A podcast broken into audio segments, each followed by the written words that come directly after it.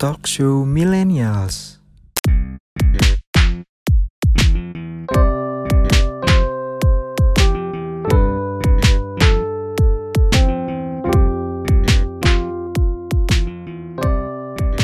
Assalamualaikum warahmatullahi wabarakatuh Halo kawan milenial Apa kabar?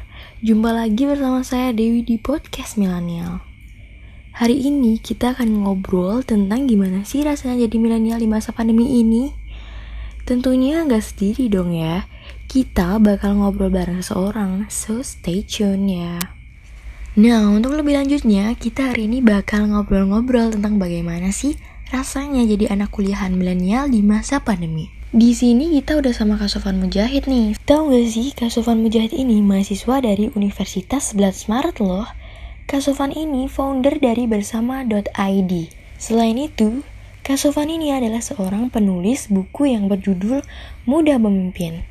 Oke, mari kita ngobrol bareng sama Kak Sofan. Halo Kak Sofan Mujahid, apa kabar? Bagaimana aktivitas hari ini? Halo, Alhamdulillah aktivitas di hari ini lancar sesuai dengan target dalam setiap aktivitas harian dan yang paling penting hari ini semoga kita semuanya dalam keadaan sehat, baik dan juga selalu mendapatkan keberkahan. Oh iya, akhir-akhir ini kesibukannya apa aja sih kak? Untuk kesibukan akhir-akhir ini seperti biasa, yang pertama adalah mengurus organisasi, kemudian kemarin juga sudah selesai UAS. Uh, dalam hal organisasi, yang diurus yang pertama organisasi formal yaitu di BEM Fakultas Ekonomi dan Bisnis Universitas 11 Maret. Yang kedua adalah di lembaga yang saya dirikan bersama Bisa ID. Rencananya uh, ini sedang persiapan untuk mendirikan sekolah gratis yang ada di daerah Surakarta, tepatnya di Kecamatan Mojosongo di Desa Mipitan Sewu, seberang uh, di pinggiran Sungai Kalianyar seperti itu. Uh, selain itu juga uh, apa namanya sedang sibuk menulis rencananya akan merilis buku kedua nanti ditunggu saja ya kemudian uh, juga sekarang walaupun sebenarnya pandemi ya tapi ada beberapa agenda untuk silaturahim ke beberapa tempat dan apa namanya selain itu juga uh, ingin lebih menjaga kesehatan aja nah jadi itu beberapa kesibukan dalam koridor-koridor tertentu. Wah, produktif sekali ya kawan milenial. Sukses untuk buku keduanya, Kak. By the way, Kak Sofan kuliah di UNS ini jurusan apa sih? Dan semester berapa? Oke, kalau saya kuliah di UNS ini jurusan Ekonomi Pembangunan. Saat ini semester 4 uh, eh, mau selesai ini ya. Jadi udah UAS, jadi semester 4-nya udah selesai dan menuju semester 5, seperti itu. Selama kuliah, pasti Kak Sofan sering mendengar istilah milenial. Menurut Kak Sofan sendiri, apa sih arti milenial itu? Oke, okay, mengenai milenial itu sendiri, sebenarnya itu kan nomenklatur dalam klasifikasi generasi gitu ya, dan dalam pendekatan kelahiran tahun. Namun kemudian juga dikaitkan dengan karakteristik dan budaya generasi tersebut gitu. Namun kalau dari sudut pandang diri saya sendiri, generasi milenial itu sebenarnya generasi yang saat ini sedang menghadapi berbagai tantangan baik tantangan globalisasi, kemudian tantangan pandemi juga, kemudian juga uh, tantangan kenegaraan, isu-isu kenegaraan yang itu memang sejatinya sebagai ladang untuk kita belajar, sebagai ladang untuk kita mendapatkan berbagai ilmu pengetahuan dan juga bagaimana membangun mental kita sebagai generasi milenial yang dapat solutif, dan juga memiliki beberapa skill seperti complex problem solving, kemudian juga cognitive flexibility, kemudian hal-hal lain yang itu kaitannya dalam pengembangan diri generasi milenial. Nah, jadi secara singkatnya sebenarnya generasi milenial dalam sisi lain adalah generasi yang uh, menghadapi banyak sekali tantangan gitu ya. Karena teknologi saat ini juga sedang masif dan harus bersifat adaptif ter tersebut gitu. Oke, okay, menurut Kak Sofan, kuliah online efektif nggak sih? Sebenarnya kalau dalam hal uh, melihat dalam konteks ruang dan waktu sebenarnya itu lebih efisien gitu ya.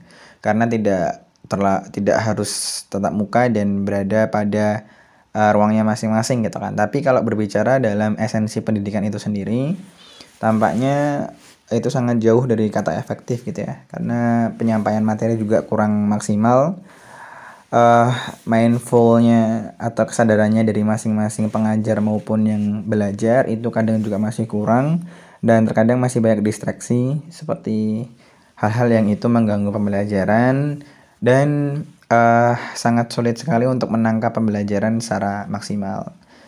Dan bahkan juga uh, transfer uh, alternatif-alternatif pembelajaran juga mudah sekali didapatkan oleh pelajar-pelajar melalui YouTube misalkan melalui apa namanya platform yang lain yang bisa mendapatkan memberikan uh, pembelajaran seperti itu. Jadi kalau berbicara efektif atau tidaknya, uh, kalau dalam konteks ruang dan waktu tampaknya lebih efisien, tapi dalam esensi pendidikan dan pembelajaran itu sendiri tampaknya kurang efektif seperti itu.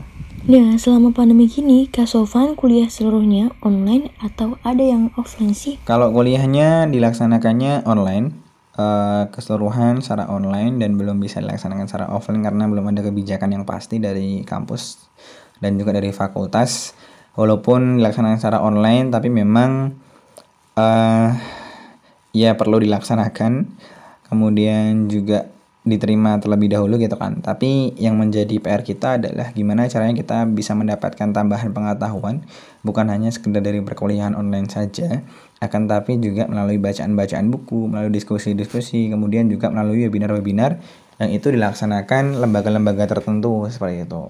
Tentunya dengan tujuan untuk meningkatkan pengetahuan kita kemudian juga supaya kita lebih bervariasi dalam hal uh, pengetahuannya ataupun uh, sumber dari ilmunya itu sendiri uh, dan ya harapannya kita semuanya pembelajaran ke depannya bisa dilaksanakan secara offline. Oke lanjut, Kak Sofan lebih suka kuliah yang mana nih? Online atau offline? Oke, kalau dari saya sendiri lebih suka offline. Kenapa Kak Sofan sendiri memilih offline daripada online, Kak? Karena sesuai dengan esensi pendidikan itu sendiri gitu kan. Jadi bukan hanya sekedar transfer knowledge tapi juga ada uh, apa namanya basis psikologi yang itu mampu meningkatkan um, inisiatif dan juga antusiasme dalam pembelajaran.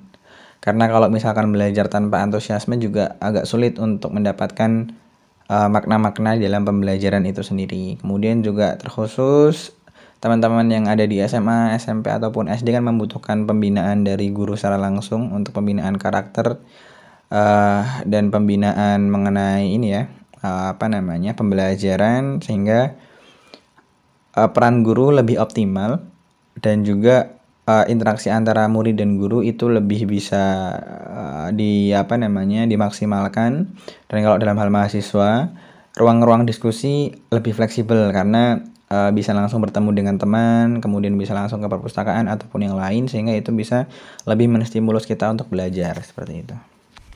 Online maupun offline pasti punya kekurangan sama kelebihan tersendiri ya.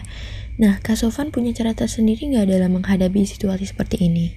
Kalau dari saya sendiri untuk menghadapi kondisi seperti ini, yang pertama uh, menerima, kemudian bersyukur, uh, kemudian inisiatif untuk mengembangkan diri. Jadi tidak kalah dengan kondisi karena itu kan hal-hal yang nggak bisa kita intervensi ya.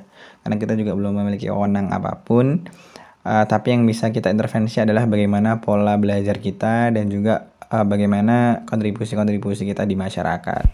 Nah, sekarang kan Kak Sofan udah menuju ke semester 5 nih. Setelah kuliah, pasti punya planning untuk lanjut studi atau kerja. Ada kekhawatiran tersendiri gak sih Kak menuju hal seperti itu? Nah, kalau berbicara dalam hal pasca kampus gitu ya, uh, bagaimana planningnya apakah lanjut studi atau kerja dan apakah ada kekhawatiran tersendiri mengenai hal itu? Uh, sebenarnya kalau secara keseluruhan nggak uh, terlalu menghawat nggak terlalu khawatir gitu ya. Karena juga sudah merencanakan gitu. Uh, yang pertama adalah lebih ingin lanjut studi dulu. Karena pertimbangan uh, nanti nyambi berwirausaha gitu. Jadi walaupun mungkin kalau misalkan uh, ya nanti melihat gitu ya. Tapi kalau misalkan secara planningnya memang uh, lebih ke lanjut studi S2 karena memang basicnya lebih ke akademis seperti itu. Kalau boleh tahu nih kak kak Sofan pengen kerja apa sih nantinya gitu? Kalau ditanyakan mau kerja apa uh, saya mau jadi kerja jadi seorang negarawan negarawan melalui jalan ekonomi melalui jalan kerakyatan juga. Jadi uh, ya goalsnya sebagai seorang negarawan gampangannya ya uh, dalam ranah eksekutif gitu.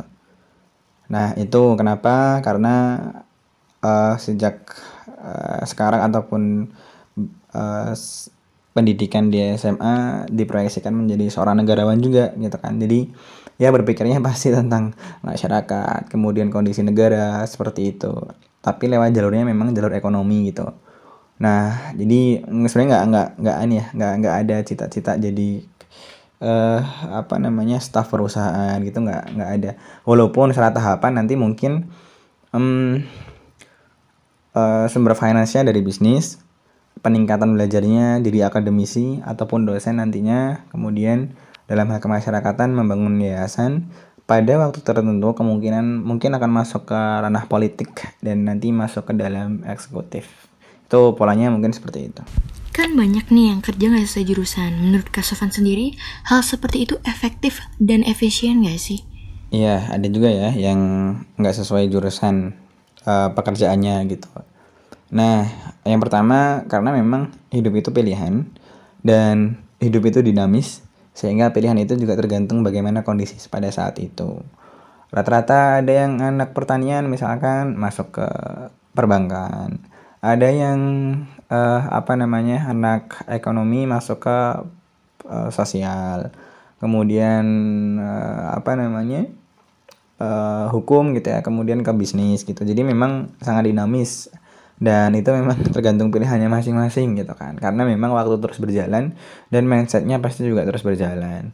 Nah uh, efektif atau enggaknya sebenarnya tergantung bagaimana setelah memilih uh, setelah making decision terhadap keputus terhadap pertimbangan itu langkah-langkah konkret selanjutnya itu yang menentukan efektif atau enggaknya.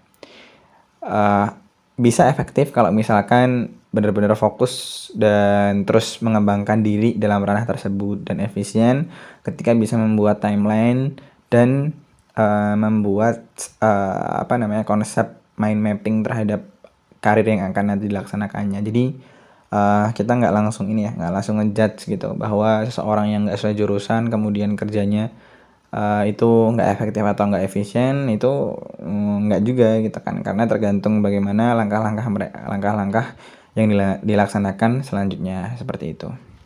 Oke, yang terakhir nih kak, nyari kerja emang masalah generasi milenial banget ya.